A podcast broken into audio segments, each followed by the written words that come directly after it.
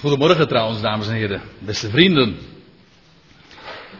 Ik wil uw aandacht vanmorgen vragen voor het Bijbelgedeelte wat we zojuist met elkaar hebben gelezen. Nummerie 17. De, voor de meesten denk ik van ons een betrekkelijk bekende geschiedenis. De bloeiende staf van Aaron. Een hele wonderlijke geschiedenis. En het leek mij een heel goed idee om op deze morgen daar eens wat meer op in te zoomen. En vooral op, dat zal u niet verbazen, vooral op de betekenis daarvan. En vooral ook in het licht van de Heer Jezus Christus. En waar we zojuist ook de liederen over hebben gezongen. De opstanding van de Heer Jezus Christus, de weggerolde steen, het graf dat leeg is achtergelaten, definitief. Met een staf is in de Bijbel nogal eens een keertje wat te doen, moet ik zeggen. En het lijstje wat ik ga geven, dat is ver van compleet, maar ik geef zomaar even een paar voorbeelden waarbij je sprake is van een staf. En als je in gedachten neemt wat een staf is, kijk, een staf, ziet u het allemaal trouwens, goed? Een beetje. Oké. Nou, een staf in het algemeen, voordat we de Bijbel nou erover gaan openen. Maar een staf in het algemeen is een, een embleem van, van opstanding en eigenlijk ook van staande kunnen blijven. Dat is niet zo moeilijk, want waar dient een staf voor? Wel om op te leunen, om op te kunnen staan. En daarmee is een staf, en ik zal het straks nog veel uitgebreider aantonen, denk ik. Dat is aan u natuurlijk of het aangetoond is. Maar in elk geval, een staf is inderdaad een embleem van staan, van opstanding en van staande blijven. Iets waar je werkelijk op kunt leunen, waar je je vertrouwen aan kunt geven. En ik zei al, in de Bijbel speelt een staf nog wel eens een keertje een rol. Oh, dat was niet de bedoeling. Maakt niet uit. Dit is een andere PowerPoint-versie dan weer. Uh, maakt niet uit, uh. De bedoeling was namelijk dat het punt voor punt zou worden weergegeven, maar dat eh, blijkt niet het geval te zijn. Uh, het gaat er maar om, wat ik wil, uh, wil zeggen ter inleiding, voordat ik wat ga zeggen over die staf in, in nummer 17, die de bloeiende staf van Aaron. Staven, want dat is het meervoud van staf. Ik, moet er, ik moet er zelf ook iedere keer een beetje aan wennen om het zo te zeggen, want staven, het meervoud van staf is staven.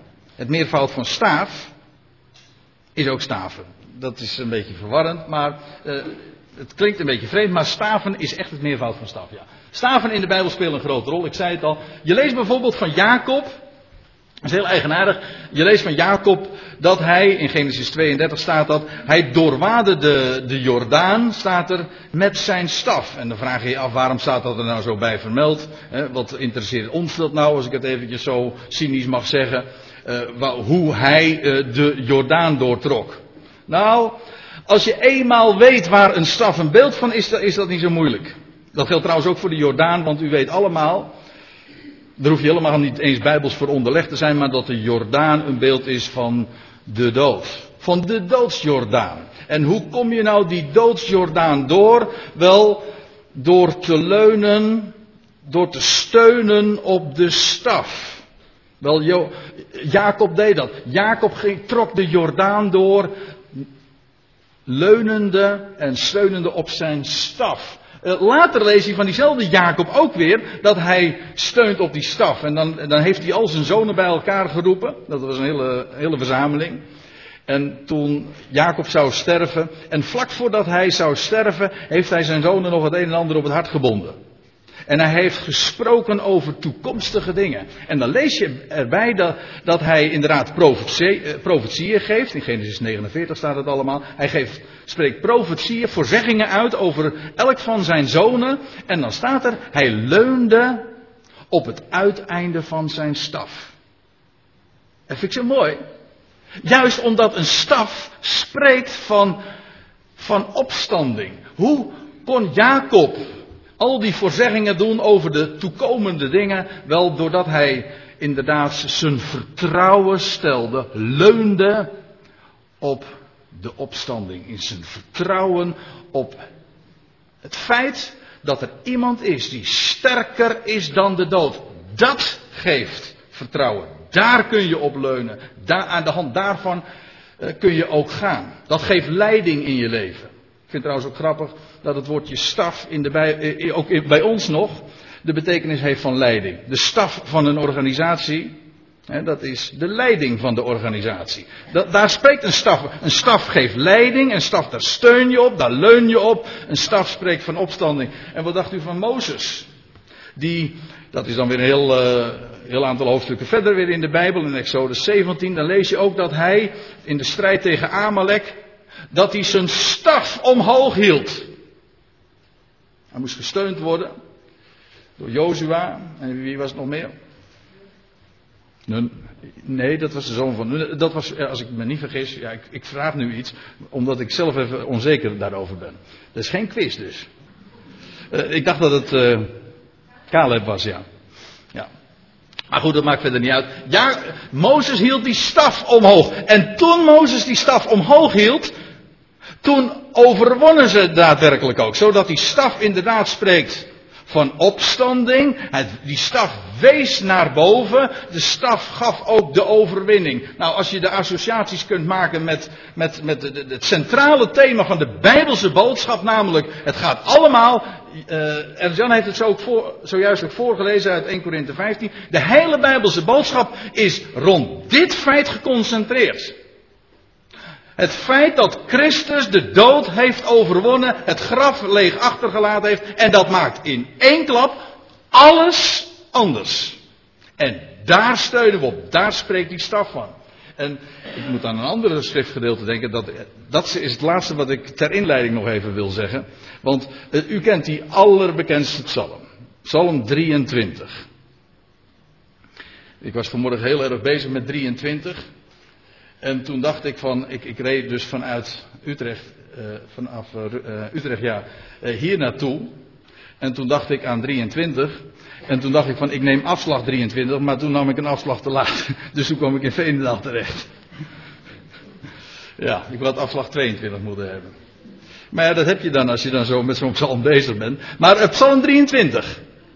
Daar lees je, ehm, nou ja, goed, we, we kennen hem allemaal. Maar dan lees je in vers 4 Zelfs al ga ik door een dal, en de Statenvertaling geeft het juist weer, door een dal van schaduw des doods.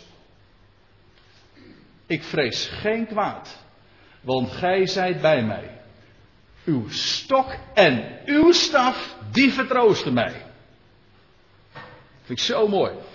Dat, al ga je door een diep dal, een dal waar de dood zijn schaduwen voor uitwerpt. Wat is er dan dat je werkelijk troost geeft? Hoe kun je dan zeggen, ik vrees geen kwaad? Wel, David zegt het hier. Uw staf, die vertroost mij. En dan pak ik weer eventjes de draad op van waar ik, waar ik, waar ik het zojuist al eventjes over had, die ik net even al liet liggen. Die staf spreekt van opstanding. Wat geeft je nou werkelijk troost en zekerheid? Waarop kun je leunen als je door een dal gaat van schaduw des doods? Een diep dal. Als je leunt op de staf. Als je weet hebt van hem die de dood bij machten is te overwinnen. Kon David zeggen, maar wij kunnen inmiddels zeggen achteraf als je leunt op hem die de dood heeft overwonnen. Nog niet en niet gedaan, maar wel heeft overwonnen. Wel, met dat in gedachten wil ik vanmorgen eens nummer 17 snel doorheen wandelen, want ja, we nemen het natuurlijk niet de hele dag voor. Maar met dat in gedachten over die, die staf, dat het spreekt van de opstanding, zullen we ook eens nummer 17 met elkaar lezen. En laten we gewoon dat gedeelte eens een keertje nog een keer lezen. En op een aantal punten wil ik wijzen. En dan tenslotte wil ik u nog wat vergezichten gaan geven, want daar gaat het me uiteindelijk om. Maar laten we eerst dat gedeelte eens lezen. Nummer 17. Um, ja, nummer 17. Daar staat in vers 1. De Heere sprak tot Mozes. Spreek tot de Israëlieten. En neem van hen voor elke stam één staf. Van al hun vorsten naar hun stammen twaalf staven. Ieders naam zult gij op zijn staf schrijven. Maar de naam van Aaron zult gij op de staf van Levi schrijven. Want één staf dient voor het hoofd van hun staf. Van hun staf. Nou, het idee hier is heel simpel. Er zijn twaalf stammen en al die stammen hebben een naam. Issachar, Simeon, Naphtali, Zebulon, et cetera, et cetera. Wel, al die stammen, eh, die leven, hun vorsten leverden hun staf in. Hun vorsten hadden een staf, want ja, ik zei al, een staf heeft ook alles te maken met leiding. Ze leverden hun staf in en allemaal ook hun naam daarin gegraveerd of opgeschreven. Behalve op de stam van Levi zou niet de naam Levi komen te staan, maar Aaron. Aaron was uit de stam van Levi. De naam van Aaron moest op die staf komen te staan. En dan staat er in vers 4: Dan zult gij deze neerleggen in de tent van de samenkomst, de tabernakel dus, voor de getuigenis. De getuigenis, is dit. De getuigenis is de ark der getuigenis. Zo wordt die heel dikwijls genoemd. Dat wil zeggen de ark van het verbond. Eigenlijk het, het centrum van, van Israëls eredienst. Waar de verzoendeksel op gelegen was, de Gerubim, waar de hoge priester eens per jaar uh, toe mocht naderen in het binnenste heiligdom achter het voorhangsel. Wel, daar die, moesten die staven worden neergelegd voor de getuigenis, dus voor die ark, waar ik met u, zegt God tegen Mozes, waar ik met u pleeg samen te komen. En de man die ik verkies, dienststaf zal bloeien. God had trouwens al van tevoren gezegd wie de hoge priester van zijn keuze was. Maar goed, er was erg veel rebellie tegen. Er was veel discussie over wie nu eigenlijk de hoge priester mocht zijn. Wel, God zou het nu gaan bewijzen. Hij had al gesproken. Hij had hem in wezen al aangewezen. Het was al duidelijk. Maar God ging het nu bewijzen. En de man die ik verkies dienststaf zal bloeien. Zo zal ik het gemor waarmee de Israëlieten tegen u morren tot zwijgen brengen. Zodat ik het niet meer hoor. Dat wil zeggen, het bewijzen voor zal nu bij deze gelegenheid eens voor altijd geleverd worden. En nadat Mozes nu vers 6 tot de Israëlieten gesproken had, gaven al hun vorsten hem voor iedere vorst één staf, naar hun stammen twaalf staven. En de staf van Aaron was onder hun staven. Ja, nou dat was precies ook wel al wat we lazen. Nou wil ik even nog één ding erbij zeggen, want we hadden het al eventjes over een aantal staven in de Bijbel. Die van Jacob, van Mozes. Maar over de staf van Aaron is trouwens al eerder gesproken. Daar is al diverse keren zelfs melding van gemaakt. Over die staf van Aaron. Ik noem, ik noem twee gelegenheden. In Exodus 8 lees je dat Mozes en Aaron verschijnen voor de farao. En dan lees je dat Mozes zijn staf op de grond zou werpen. Hij doet dat. En wat gebeurt er? De staf wordt een levende slang. Vervolgens gebeurt er nog iets wonderlijks, want die Egyptische magiërs die erbij stonden, die deden hetzelfde en die deden het ook. Maar met dat verschil, de slang, dus, ja, dus, de staf, de slang, van Aaron, ver, uh, hoe zeg je dat? Verzwolg die, de, de, die andere slangen of die andere staven, net hoe je het zeggen wil want dat blijkt dus hetzelfde te zijn. Die, de staf werd ineens een levende slang. Hou hem even in gedachten. De staf spreekt altijd van opstanding, maar wat hier trouwens bijzonder is, die staf werd een slang. Nou zou je zeggen, de slang in de Bijbel is een beeld van, van, de, van Satan, de oude slang. Dan zeg ik, ja dat klopt, maar dat is de, de oude slang. En als ik het misschien een beetje ondeugend hoor, uh, maar uh, ik, ik denk dan bij mezelf, er is ook een nieuwe slang. De overwinnaar. Nou, laat ik het anders zeggen. De Heer Jezus had het ooit tegen de Nicodemus al gezegd. De verhoogde slang. Dat wil zeggen, de slang die de andere zal vernederen. Hij, wel daar spreekt die, die, die staf van Aaron, werd die, werd die slang die die andere slangen als het ware van de tegenstanders, van die Egyptische magiërs, allemaal verzwolg. Eigenaardig, nietwaar? Wel, dat spreekt inderdaad, het kan niet missen, ik ga er nu verder niet dieper op in, maar op de verhoogde slang. Die we trouwens allemaal ook kennen. Ook in de wereld is die heel bekend. Ja, u zegt dat is weer een ander teken, maar ik moet dan meteen denken aan het Esculaapteken. Weet u wel, dat is die, ook die verhoogde slang, een embleem van genezing, maar ook van nieuw leven. Ja, eigenaardig hè, dat soort uh, dingen.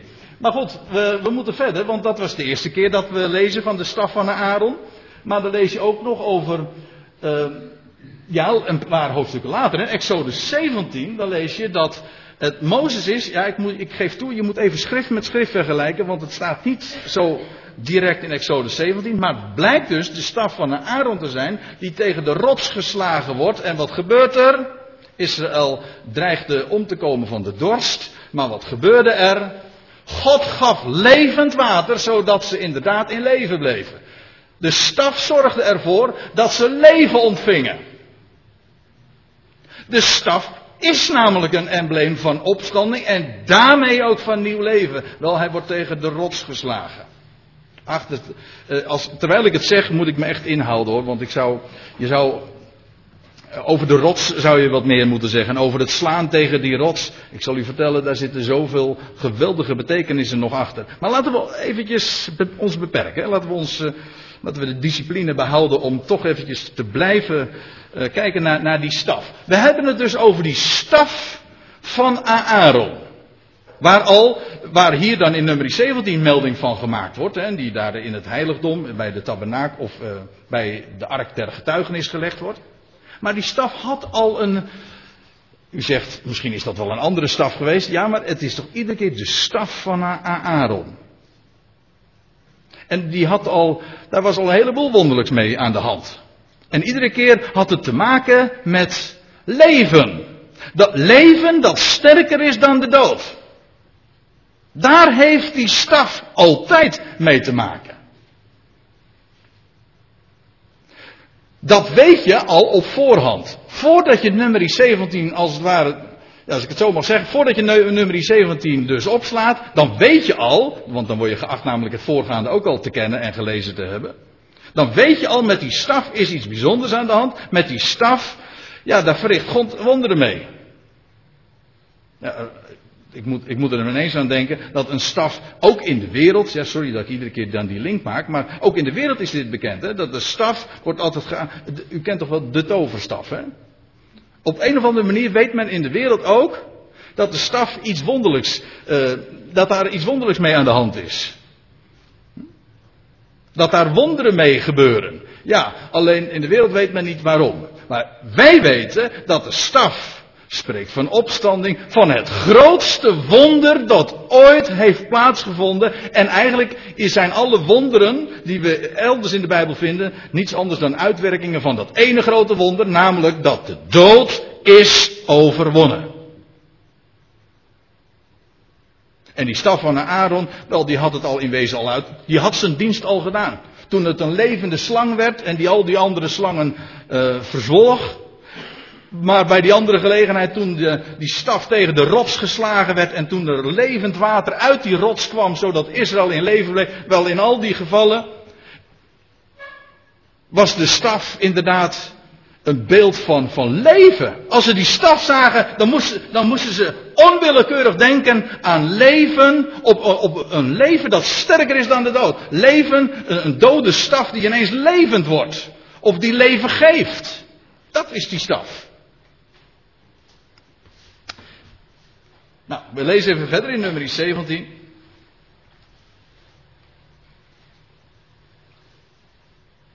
Mozes nu legde de staven neer voor het aangezicht des Heren in de tent der samenkomst. Uh, in de tent der getuigenis. Dat wil zeggen in de tent waar de getuigenis, die ark van het verbond stond. En toen Mozes de volgende dag de tent der getuigenis binnenging, zie de staf van Aaron voor het huis van Levi bloeide. Hij had bloesem voortgebracht, bloemen gedragen en amandelen doen rijpen. Exact hetzelfde als waar we het al over hadden.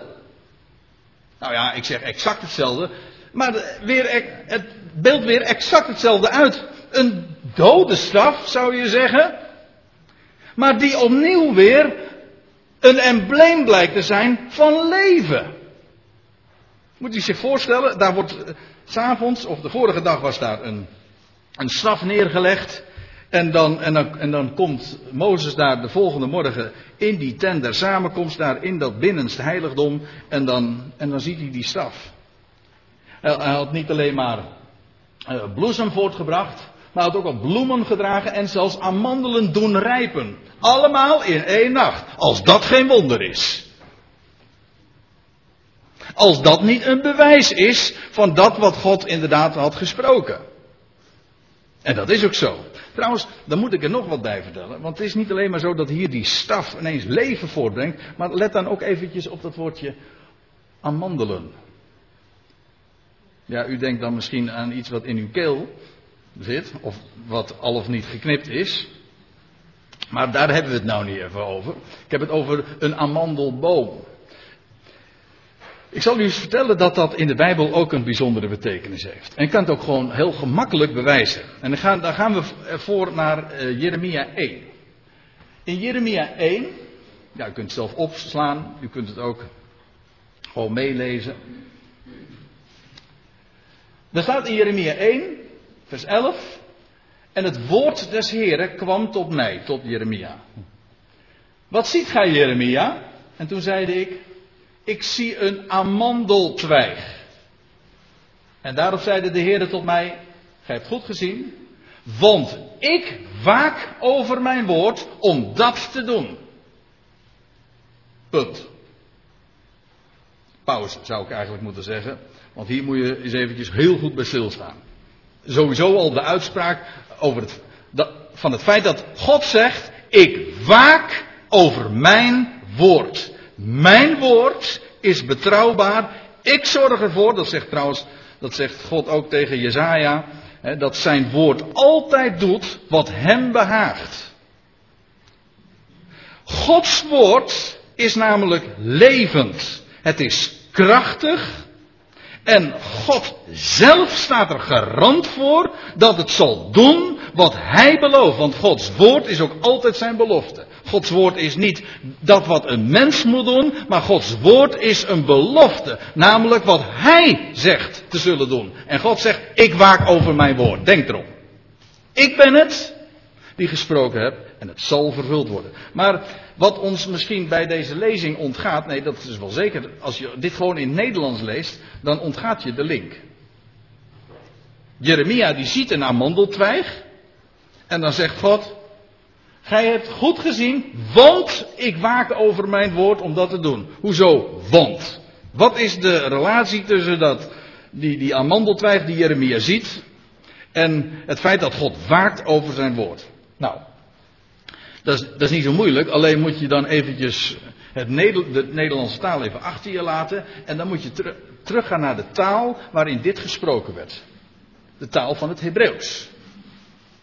De taal van Israël, de taal van de overkant. Want met het Hebreeuws is echt iets heel bijzonders aan de hand. Dat is Gods taal. Dat is de taal die eigenlijk van de andere kant komt. Maar weet u wat er in het Hebreeuws staat? Het Hebreeuwse woord voor amandel dat is shagat. Shagat. Maar dat is exact hetzelfde woord als ook het woord voor waken. Dat is ook shagat. Exact hetzelfde woord. Kijk, in het Nederlands ontgaat het ons. Maar in het Hebreeuws is het, is het eh, zo klaar als een klontje een amandelboom of een amandelvrucht of iets van de. Het woordje amandel is hetzelfde woord als waken of wekken. En hoe, waarom is dat nou weer? Wel, u ziet hier zo'n uh, een amandelboom afgebeeld, zo'n zo'n witte boom. En het is de boom die als eerste in de lente ontwaakt. Dat wil zeggen, als eerste boom in de lente zijn bloesem geeft. Dat wil zeggen, als de amandel gaat bloeien, dan wordt de lente als het ware gewekt. Het is de eersteling van het nieuwe leven. Ik zeg het expres zo, zodat u meteen denkt van, aha, waar heb ik dat vaker gehoord? De eersteling van het nieuwe leven. De, de aankondiger van de lente. Van de spring, zeggen ze dan in het Engels. Waar alles open springt, weet u wel.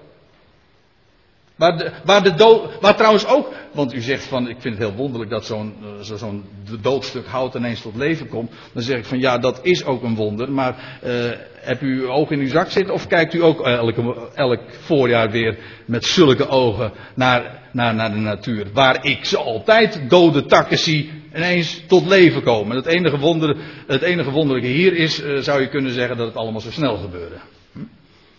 Maar dat dode takken weer levend worden, dat zien we in de natuur. De hele natuur is eigenlijk niks anders dan een, een grote getuigenis van de God die de dood overwint. Ik bedoel, in de herfst zien we alles weer sterven. Het is niet voor niks hoor dat mensen dan vaak ook wat droefgeestig uh, gestemd zijn en depressief. Maar ja, als je eenmaal weet wat er gaat komen, dan zou het je, dan zou het uh, je toch hoop moeten geven. In de winter zie je dan dat alles dood is. Dode takken, dode kale bomen. Je zou zeggen, inderdaad, het is dood. Maar het is niet dood. Het blijkt niet dood te zijn. Of, voor mijn part moet je het nog anders zeggen. De dood wordt overwonnen. En dat is wat er in de lente gebeurt. En de eerste boom, in het Midden-Oosten in elk geval, die de lente aankondigt, dat is de amandel. Wekken, waken, is trouwens altijd al, ja, sorry, maar het, het verhaal wordt in die zin een beetje eentonig. Maar aan de andere kant is het ook wel weer simpel, want het kan je nooit ontgaan. Want weet u wat het is? Waken is in de Bijbel ook altijd uh, nieuw leven. Ontwaak gij die slaapt en sta op uit de doden. Wekken, opwekken, dat is, dat is een nieuw leven. In, de, in, Griek, in, ons Griekse Nieuwe Testament is wekken of opwekken exact hetzelfde. Waken. Nou, hoe dat het ook zij, die, die amandelboom spreekt van nieuw leven, van lente, van de eersteling zelfs. Die de lente aankondigt, het nieuwe leven aankondigt. En als je in dat licht dan ook vervolgens um, dat leest wat er staat in, in nummer 17, vers 8, dat die, dat die staf van Aaron de volgende morgen blijkt een levende staf te zijn die amandelbloesem, dan onderstreept dat ja, voor de zoveelste keer dat het gaat om nieuw leven en de dood die wordt overwonnen. Daar spreekt het van. Het kan je niet ontgaan, hè, want het, het, springt als het ware van, van de bladzijde van het Nieuwe Testament af. Vers 9. Toen Mozes al de staven van voor het aangezicht des Heren tot al de Israëlieten naar buiten bracht, zagen zij het en namen ieders staf. Hier zie je zo'n afbeelding dat Mozes inderdaad naar buiten komt en hij heeft die staf. Nou ja, een staf, hij heeft een complete boom in zijn handen. En daar komt het op neer. En ze zien het. Het bewijs is geleverd. En de Heere staat er dan nog in vers 10. En de Heere zei tot Mozes: Breng de staf van Aaron terug voor de getuigenis om bewaard te worden tot een teken voor de weerspannigen, zodat gij aan hun gemor een einde maakt en ik niet meer hoor opdat ze niet sterven. Met andere woorden, hier is het leven in gelegen. Als je het hier niet je vertrouwen opstelt, of als je je hier niet door laat overtuigen, dan hou je de dood over. Ja, als het leven afwijst, dan hou je de dood over. Trouwens, tot in lengte van jaren is die staf van Aaron inderdaad bij die ark neergelegd. En of in de ark, dat, daar is discussie over hoe dat nou precies geweest is. Maar één ding is zeker, in die ark werd altijd geassocieerd met de verzoendeksel, maar ook met de bloeiende staf van Aaron. Zo had God de man aangewezen van zijn keuze. De hoge priester die hij voor Israël bestemd heeft. Zo had God het bewijs geleverd. En dan lees je nog in vers 11. En Mozes deed het zoals de Heer hem geboden had, zo deed hij. En ik zei al, tot in lengte van jaren is het ook zo gebleven. En als later de schrijver van de Hebreeënbrief eh, ingaat op alle details van de tabernakeldienst enzovoort, maar ook de, de wijze waarop alles, uh, al die, uh, het hele instrumentarium, al die, die dingen van de tabernakel, hoe, hoe dat georganiseerd was, maar op de betekenis ook. Dan zegt de schrijver van de Hebreeënbrief in hoofdstuk 9 over die ark. Ja, daarin was gelegen de bloeiende staf van Aaron. Nou, nou wil ik vervolgens, voor zover het u nog ontgaan is hoor, maar wil ik nog wat ietsje dieper ingaan, nog een laagje dieper gaan. En wat vertellen over de de diepere betekenis van dit hoofdstuk. Kijk, ik heb al wat verteld over de staf. En over dat het een embleem is van nieuw leven, van de overwinning op de dood. Maar ik zal u ook dit zeggen. Ik wil vier punten noemen. Waarin, waaruit, ja, waaruit blijkt dat dit spreekt allemaal van de Heer Jezus Christus. Kijk, we hebben het over een staf. En dan verstellen wij ons, ja leuk hè, Eh, dan stellen we ons vervolgens de vraag, wat betekent die staf? Wel, die, deze staf, hier in nummer 17. Over de staf in het algemeen, daar waren we al lang uit. Hè, dat hadden we in het begin van het hoofdstuk, of van, eh, van, deze, van deze studie, deze predikatie, hadden we dat al um, vastgesteld. Maar laten we de eerste, het eerste nu eens eventjes nog wat nader toelichten. Punt 1. God wijst de hoge priester van zijn keuze aan door leven uit de dood voor te brengen. En ik zeg het expres dubbelzinnig. Hier is, het is letterlijk zo, dat wil zeggen in nummer 16, uh, nummer 17, daar wijst God Aaron aan als de hoge priester van Israël, hoe? Wel door zijn staf tot leven te brengen.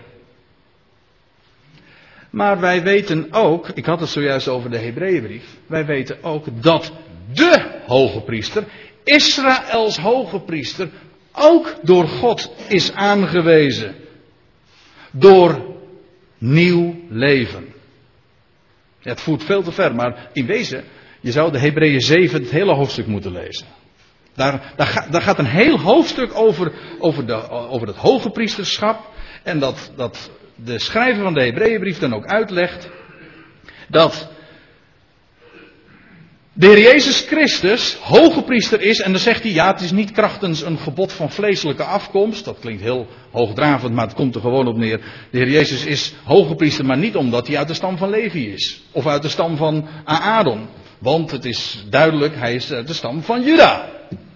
Dat is waar. Maar staat er dan, hij is, niet hoge, hij is geen hoge priester op grond van zijn afkomst, van zijn vleeselijke afkomst, maar krachtens onvernietigbaar leven. Hier op aarde was hij geen hoge priester. Maar sinds zijn opstanding uit de doden is hij Israëls hoge priester. Krachtens onvernietigbaar leven. En daardoor is hij trouwens een veel hogere hoge priester nog. De hoogste priester dan naar Aaron, want hij, is, hij, combineert het bovendien met koningschap, wat in Israël ondenkbaar was. Hij is koning en priester, en daarom ook koning-priester naar de ordening van Melchizedek. Die was ook koning-priester trouwens. Maar daarom juist. Nou, één ding moet duidelijk zijn. God wijst de hoge priester aan van zijn keuze door leven uit de dood voor te brengen. Dat is nummer 17. En dat is ook de grote waarheid van het Nieuwe Testament. Israëls hoge priester, of de middelaar van God en mensen, is door God aangewezen door zijn opstanding uit de dood, door die weggerolde steen. Punt 2.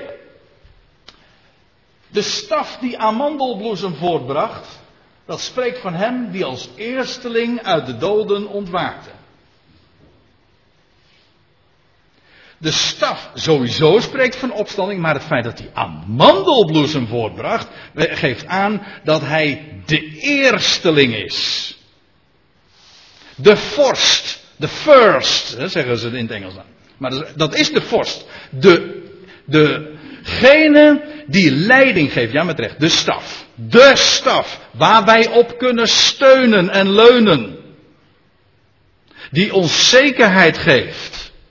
Ook al gaan we door een dal van schaduw en des doods. En ik geef, het is absoluut waar.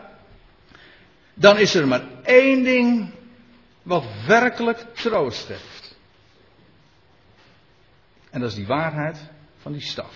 Als je ziet op die staf, dan weet je, ja, er is iemand die dat alles overwint.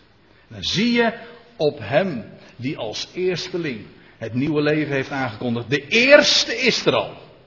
De amandel bloeit al, als ik het zo mag zeggen. En de rest komt. Het is een kwestie van geduld. Ja. Punt 3. Dat is een heel mooie. Dat vind ik een hele mooie. Voor, voor deze tijd. De bloeiende staf is gedurende de nacht verborgen in het hemels heiligdom.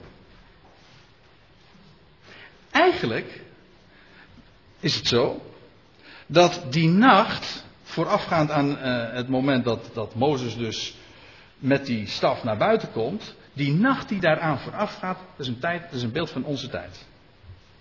Nu is het nacht. Nu is het in deze wereld nacht. De zon der gerechtigheid die, is, die zal opkomen, maar nog steeds is het nacht in deze wereld. Duister. Nou, ik hoef dat verder niet aan te tonen, ik hoef dat ook niet duidelijk te maken. Het is donker in deze wereld. En wij mogen als sterretjes ook stralen. Hè? Och, oh, mocht ik zelf een lichtje zijn. Hè? Zo hebben we dat uh, zojuist gezongen. Dat is toch ook zo? Waarom? Nou, zelfs lichtjes worden opgemerkt. Waarom? Omdat het stikdonker in deze, nou, in deze wereld is. Een wereld die het zonder hoop en zonder God meent te moeten doen. Wel, het is nacht in deze wereld. Maar terwijl het nacht is in deze wereld. Is er in het verborgene, achter het voorhangsel, is daar nieuw leven. Trouwens, in dat heiligdom was het altijd licht. Dat is ook een hele mooie trouwens. In het heiligdom was het licht. Maar het heiligdom, hè, dat spreekt van de, van de hemel. Ik ga er, eigenlijk ga ik er de hele morgen al een beetje van uit dat u de Hebreeënbrief redelijk goed kent. Want in de Hebreeënbrief wordt het schitterend allemaal ja, uitgelegd en, en, en vervolgens ook geïllustreerd. Dat hemel, die tabernakel, dat heiligdom, dat achter dat voorhangsel, dat is een beeld van de hemel. Wat nu ontrokken is aan het oog. Wel, de bloeiende stap, dat is een uitbeelding van de Heer Jezus Christus. De overwinnaar, de eersteling uit de doden. Waar is hij nu? Nou, het is nu nacht in deze wereld en hij bevindt zich achter het voorhangsel. God heeft al het bewijs geleverd. Dat wil zeggen, het bewijs is er al, alleen het bewijs moet nog zichtbaar worden. Het nieuwe leven is er al. Waar?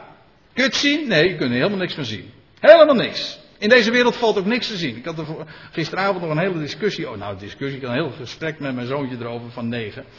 Die daar uh, heel veel vragen over had. Waar, over waarom eigenlijk niks zichtbaar is van deze tijd. Toen zei ik al van nou, ik ga het morgenochtend er juist ook over, over hebben. Maar hij is er nou niet, dus. waarom? Vandaag is alles verborgen. En dat kan ons soms grote problemen opleveren. Dat, dat, dat de dingen verborgen zijn. Wat, wat zien we nu van de Heer? Het is nacht. En, boven, en nou is het nieuwe leven er. Maar waar, waar zie je het? Ja, dat zie je ook niet. Het is achter het voorhangsel. Verborgen.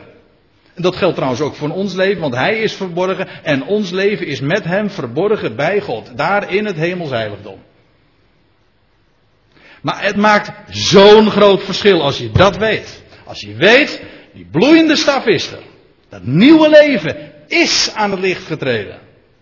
En wij als uh, ja, select gezelschap, als uitverkorenen, mogen het nu al weten. En weet je waar het wacht op is? Dat is op dit moment. Dat is het laatste wat ik erover wil zeggen.